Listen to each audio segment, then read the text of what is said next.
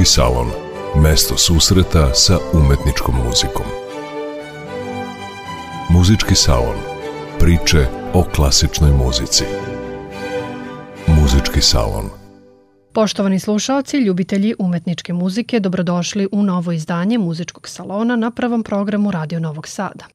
Pred vama je još jedna emisija posvećena sasvim posebnoj prolećnoj temi, kako su kompozitori različitih epoha dočaravali pesmu Ptica u umetničkoj muzici. Prilikom našeg prethodnog susreta predstavili smo neke od najupečatljivijih primera iz repertoara srednjovekovne, renesansne i barokne muzike, a slušali smo dela Vilijama Vajkomba, Žana Vajlana, Kloda Dakena, Klaudija Monteverdija, Antonija Vivaldija i Georga Friedricha Hendla. Nastavljajući tim putem, u narednih pola sata biramo nekoliko ostvarenja iz opusa Camilla Sensansa, Otorina Respigija, Olivijea Messiana i Eino Juhanija Rautavare. Mnogim stvaraocima priroda je bila inspiracija, ali i utočište. Neretko su oni, daleko od gradske vreve u svojim letnjikovcima ili boraveći u gostima kod prijatelja, stvarali sva najlepša dela – Ta čežnja za prirodom navodila je i kompozitore kojima se najmanje može pripisati ilustrativnost, da ponekad u svojoj muzici primene tonsko slikanje, upravo ptičijeg poja. Jedan od najpoznatijih primera je Beethovenova šesta simfonija, nazvana pastoralna, gde kompozitor u drugom stavu stilizuje zvuk tri ptice, slavuja, kukavice i prepelice, čak izričito naglašavajući to u partituri. Zapravo čitava simfonija predstavlja svojevrsnu odu prirodi gde je nemački kompozitor često boravio u dugim šetnjama. Pošto smo i prethodnu emisiju počeli uz neodoljive zvuke koloraturnog soprana, tako ćemo i danas čuti da je ljudski glas ipak najpogodniji za dočaravanje pesme ptica i to svima omiljenog Slavuja. Nemački sopran Ingeborg Hallstein, poznata u operskom svetu po kristalno čistom, visokom glasu, peva kompoziciju Franca Grotea Lied der Nachtigall.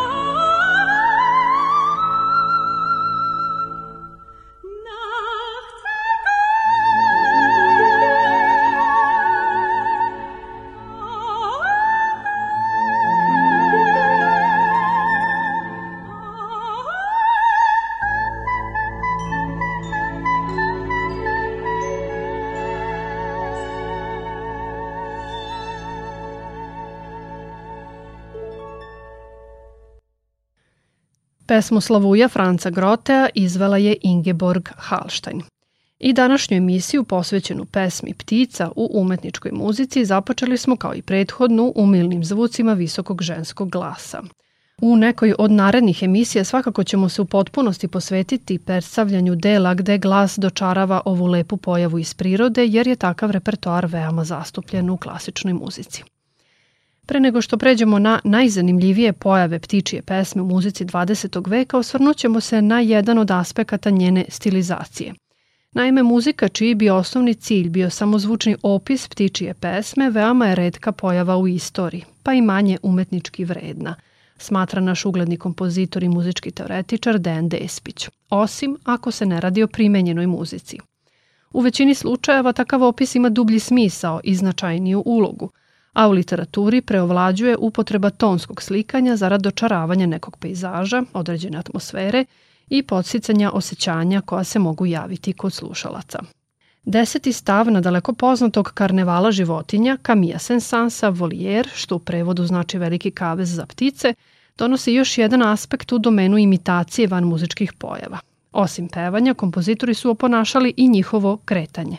U Sensansovom popularnom ostvarenju solo flauta preuzima ulogu ptice izvodeći melodiju koja se proteže velikim delom njenog opsega.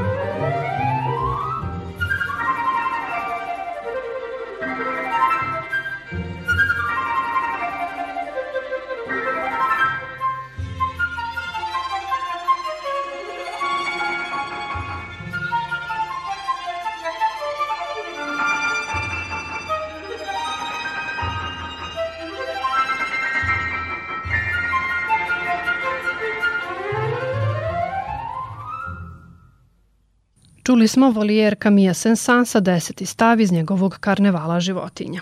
Uz ovo poznato simfonijsko ostvarenje, najmlađa publika može na najlepši način da upozna sastav simfonijskog orkestra i u čuvenoj bajici Peća i Vuk Sergeja Prokofjeva gde pojedini instrumenti dočaravaju različite životinje. Ptice su bile privlačne i italijanskom neoklasičnom kompozitoru Otorinu Respigiju koji je, oslanjajući se na komade francuskih klavsenista iz epohe baroka, priređivao živopisne simfonijske slike u svom delu Ptice. Međutim, drugo njegovo ostvarenje biće nam ovoga puta zanimljivije. Reč je o njegovim čuvenim rimskim pinijama, četvorostavačnoj simfonijskoj poemi u kojoj se opisuju pinije iz različitih delova Rima i u različitim dobima dana, što je par excellence impresionistička tema. Setimo se da je slikarima tog pravca dočaravanje pejzaža u različitim dobima dana i u različitim godišnjim dobima bila omiljena tema. Pinije su inače osobena vrsta četinara sa visokim i štitastim krošnjama, karakteristična za pejzaž zemalja na rubu Sredozemnog mora. One privlače pogledi u mnogim delovima večnog grada, pa je Respighi odlučio da ih uzme kao motiv koji povezuje stavove u ovim svojevrsnim muzičkim razglednicama Rima. U stavu i Pini del Gianicolo Respighi dočarava atmosferu spokojne letnje noći među pinijama na bregu Gianicolo pod kojim spava večni grad, a pri kraju ovog idiličnog stava, svojevrsnog nokturna, kada se može zamisliti da se na obzorju pomalja prvo bledilo zore, u muzici se začuje prava pesma Slavuja, reprodukovana sa snimka iz prirode ili pomoću svirale koja je dovoljno verno proizvodi.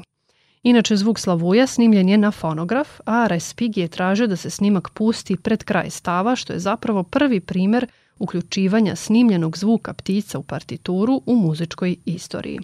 Baš zbog toga i biramo ovu kompoziciju za naše današnje druženje uz umetničku muziku. Delo slušamo u izvođenju Simfonijskog orkestra iz Montreala kojim diriguje Charles Ditoa.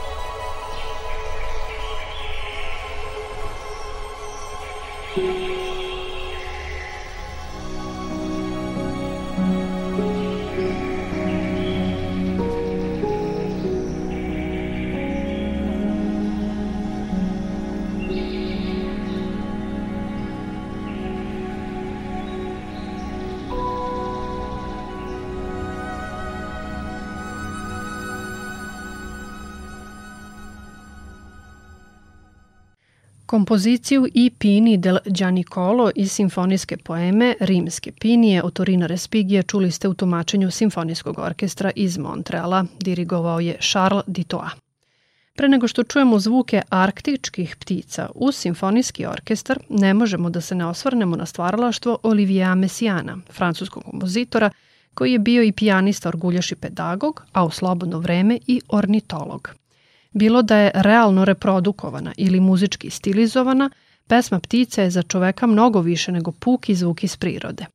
Oni su naša čežnja za svetom, zvezdama, dugama, kliktavim vokalizacijama, rekao je jednom prilikom Mesijan koji je bio opsednut muzikom ptica. On je beležio, istraživao i koristio pesmu ptica kao muzičke motive za svoja dela – a za potrebe današnje emisije odabrala sam komad Kratkoprsta ševaj iz Mesijanovog kataloga Ptica. Izvodi ga Anatol Ugorski.